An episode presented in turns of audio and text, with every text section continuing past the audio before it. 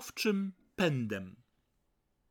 W pogardzie mając tnące szpony mrozu i górskie uderzenia wiatru, siódemka bohaterskich śmiałków dniem i nocą gnała na śnieżkę, niepomna przepisów BHP, aż dotarła w bohaterskie ramiona Gopr. Oczywiście, że górskie wycieczki w samych spodenkach i bikini przy odczuwalnym minus 15-stopniowym mrozie w mglistych górach są czymś zupełnie normalnym i naturalnym. Tylko te wstrętne, tabloidalne media szukają sensacji. My, bohaterowie zimna i chłodu, tego się nie boimy. I gdy tylko goprowcy do nas dotarli, musieliśmy im niezwłocznie pomóc zejść w dół.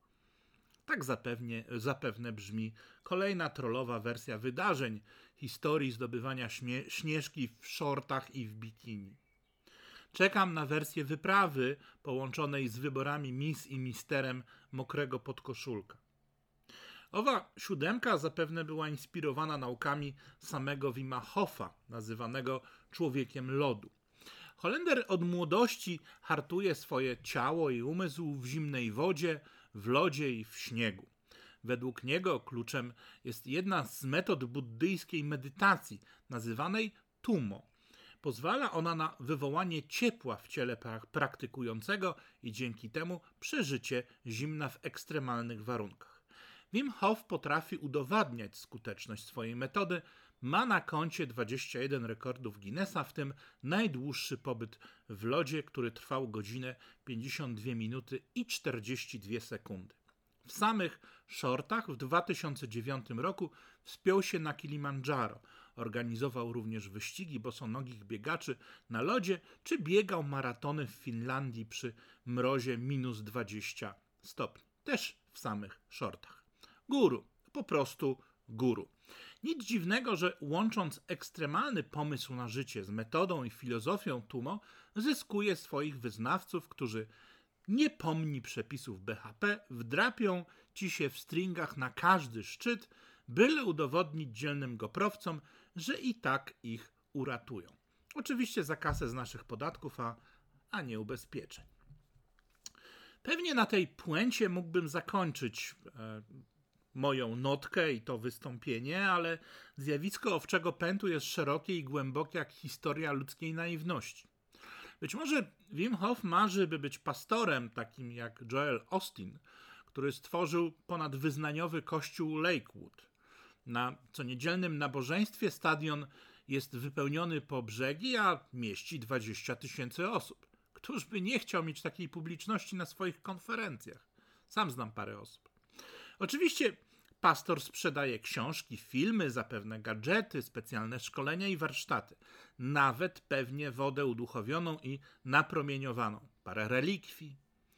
Dziś mówimy na to społeczność i jej monetyzacja, zbudowanie rynku.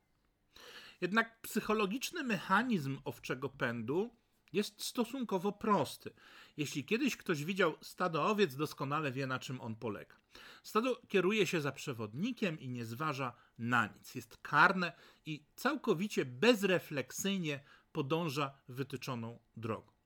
Zjawisko owczego pędu spotykamy w zachowaniach konsumenckich. To są na przykład wszelkie promocje okazyjne, marki lansowane przez media na hity rynkowe, czy na giełdzie, naśladownictwo kupowania i sprzedawania papierów wartościowych, czy na przykład w zachowaniach społecznych. Tutaj e, wiedza na temat psychologii tłumu na pewno się przydaje.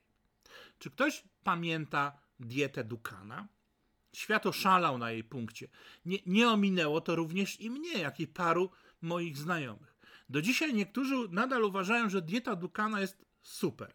Po wpisaniu w Google pierwsza strona wypełnia nam się mięsistymi ofertami wykorzystania diety proteinowej. Tymczasem francuska Izba Medyczna odebrała Pierre Dukanowi prawo wykonywania zawodu lekarza w 2013 roku za przepisywanie pacjentom leku Mediator, który był odpowiedzialny za setki zgonów. Światowy szał na Dukana zaczął się po 2000 roku. Jego książki przetłumaczono na kilkanaście języków, sprzedano ich ponad 5000 egzemplarzy. Jeden z francuskich dietetyków, Jean-Michel Cohen, był sceptykiem i po, po przebadaniu ponad 5 tysięcy dukanowców wciągnął tę dietę na listę pięciu najgroźniejszych dla zdrowia. Panowie spotkali się w sądzie. Pierre Ducan przegrał. Jakie diety są modne w tym roku, co podgrzewa krew liczących na dietetyczne cuda, czyli jesz i pijesz wszystko co chcesz oraz chudniesz 10 kg w miesiąc. Naprawdę w to wierzysz? Przeczytałeś o tych cudach w sieci? Czy twoja koleżanka z Facebooka, której na oczy nie widziałaś, właśnie ci o tym powiedziała? Przeczytaj książkę Elżbiety Turley pod tytułem Naciągnięte. I absolutnie nie jest to lokowanie produktu. Owczy pęd każe ludziom biegać po rozżarzonych węglach. Podobno wtedy mają się czegoś więcej o sobie dowiedzieć, przełamywać bariery, pokonywać samych siebie. Po prostu uwierzyć, niczym Indiana Jones w ostatniej krucjacie. Uwierzyć przewodnikowi stada, czyli swojemu guru. 21 października 2015 roku studenci Szkoły Głównej Handlowej w ramach koła naukowego o modnej nazwie Rozwój Osobisty i w ramach rozwijania swojej osobowości naparzali się wzajemnie po twarzach. Prawie wszyscy. Odmówiła jedna dziewczyna. Trzeba być silnym, żeby przeciwstawić się grupie. A przecież kiedyś pisałem w Onecie o dziesięciu najważniejszych coachach w Twoim życiu. Przy okazji tego wydarzenia. Modne słowo ostatnich latach ten rozwój osobisty.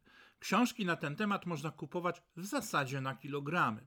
O rynku szkoleń, duchowych przewodników, mentalnych coachach nawet nie wspomnę. Rynek to po prostu jeden wielki rynek. Słynny wał z Wall Street, czyli Jordan Belfort, zrobił w konia zwykłych ludzi na ponad 200 milionów dolarów. I choć porządny człowiek raczej nie wybierze się na jego konferencję, Jordan kojarzy się wielu z przyjazną twarzą Leonarda DiCaprio, który go zagrał w Wilku z Wall Street.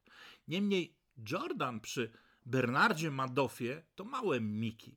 Bernard grał w lidze naprawdę dużych finansów i koronowane głowy ustawiały się w kolejce, by był łaskawy zainwestować ich setki milionów drobniaków. Madoff zbudował swoją kolejne modne słowo, markę osobistą. Cudotwórca, czarodziej finansów, magik po prostu. Największe instytucje finansowe na świecie zastanawiały się, jak to możliwe, że stopa zwrotu z inwestycji u niego jest o wiele wyższa niż całego rynku. Ciekawe, czy powstanie film Cud z Wall Street i kto zagra rolę Bernarda. Jakby nie patrzeć, zgarnięte przez niego 50 miliardów dolarów przykrywa 250 razy te drobniaki Belforta. Polska też miała swojego cudotwórcę, czyli Mariana Plichtę. Ludzie inwestowali w Ambergold, nawet jak samego bossa wyprowadzano w kajdankach. Ciekawe, kiedy będzie film na ten temat. Już jest. Moc i wiara polskiego ludu jest naprawdę silna, parafrazując mistrza Jodę. System argentyński i jego pochodne bywa doskonałym sposobem na pozbycie się swoich uciułanych oszczędności. Piramida finansowa narodziła się w 1903 roku za sprawą Włocha Charlesa Ponciego.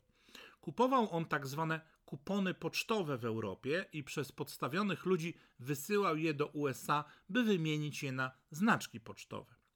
Osiągał zyski na poziomie 400%, ale potrzebował inwestorów, którym obiecował, obiecał 50% w ciągu 45 dni lub 100% przez 90 dni. Jak łatwo zgadnąć, ustawiały się do niego długie kolejki. Tymczasem mechanizm piramidy jest banalnie prosty. Wypłatę krociowych zysków finansują kolejne wpłaty. Stado owiec rośnie i rośnie, zapatrzonych w góru i mamionych rządzą pieniądze. Wypłaty podtrzymują tylko mit wiarygodności do czasu. W przypadku Ponciego czas się skończył w 1920 roku, kiedy piramida padła, a straty oszacowano na 15 milionów dolarów. Finansowych magików można naprawdę wymieniać wielu. Zasadniczo ludzie wierzą w cuda medyczne, finansowe, gospodarcze, Oczywiście najbardziej w szczęście w grach hazardowych i liczbowych. W Polsce najwięcej ludzi idzie kupować kupony lotto, gdy kwota skumulowanej wygranej przekroczy 10 milionów złotych. Szał, ciał i beczenie owieczek w każdej kolekturze. Żal przejść obok bez emocji, gdy widać napis 25 milionów. Każdy wierzy, że właśnie jemu opatrzność da swoją łaskawość. Już widzę wbity w nich ten wzrok matematyków. Największą renomą cieszy się zdrowie. Wiadomo, babci oszukasz, dziadka oszukasz, ale zdrowia nie oszukasz. Polak spożywa suplementy diety w takich ilościach, jakby naprawdę wierzył, że one cokolwiek leczą. Na szczęście suplementy nadają się do jedzenia. Niemniej świstaki, które zawijają je w te sreberka, mają bardzo przyzwoite zwroty z inwestycji. Znachorzy zasadniczo mają zawsze na podorędziu jakieś wspaniałe środki na zdrowie. A to jakaś woda promieniowana, strukturyzowana, restrukturyzowana, cokolwiek. Wiadomo, chory człowiek trzyma się każdej nadziei na cudowne wyzdrowienie.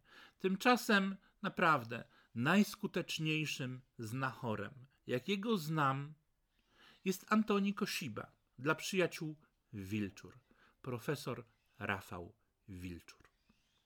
Owczym pędem kupowaliśmy spinery, które dziś leżą tonami w koszach wyprzedaży. Dziś jest szał na elektryczne hulajnogi. Ich konstrukcja średnio się nadaje na kostkę brukową, stąd magicy hulają po asfalcie, wpływając na palpitacje serca wszelkiej maści kierowców i chirurgów. Dowcip bowiem z pojazdami elektrycznymi polega na tym, że są wyjątkowo ciche. Dla przyzwyczajonych do miejskiego hałasu może być to niebezpieczne. To nie marketing oszukuje ludzi. To ludzie oszukują, używając narzędzi marketingu. Również po to, by wzbudzać w ludziach bezgraniczne zaufanie, a oni się dają nabierać. Skutkiem owczego pędu najczęściej bywa całkowita bezmyślność, brak rozwagi czy po prostu zwykła lekkomyślność. Ale również przepranie ludziom mózgów, którego efektem są całkowicie wyprane kieszenie. Ten nie zna życia, kto nie słyszał o cudownych lekach, dietach czy planach inwestycyjnych. Najczęściej sami magicy, którzy o nich opowiadają, nie czynią tego bezinteresownie. Polak to zasadniczo człowiek pewien, pełen magii. Oczywiście owa magia i cud może sprawić, by spacer przez morze był możliwy. Niemniej nikt o zdrowych zmysłach nie będzie przepływał Zatoki Gdańskiej w pław bez stosownej organizacji, czy zabezpieczenia technicznego, czy ratowniczego. Tak samo w każdym sporcie ekstremalnym można przekraczać dowolne bariery, z barierą głupoty włącznie, pod warunkiem, że ma się stosowne zabezpieczenia lub ubezpieczenia. Nie zmienia to w żaden sposób faktu, że ten owczy pęd jest cechą ludzką nie tylko w sporcie, ale w finansach osobistych czy zdrowiu.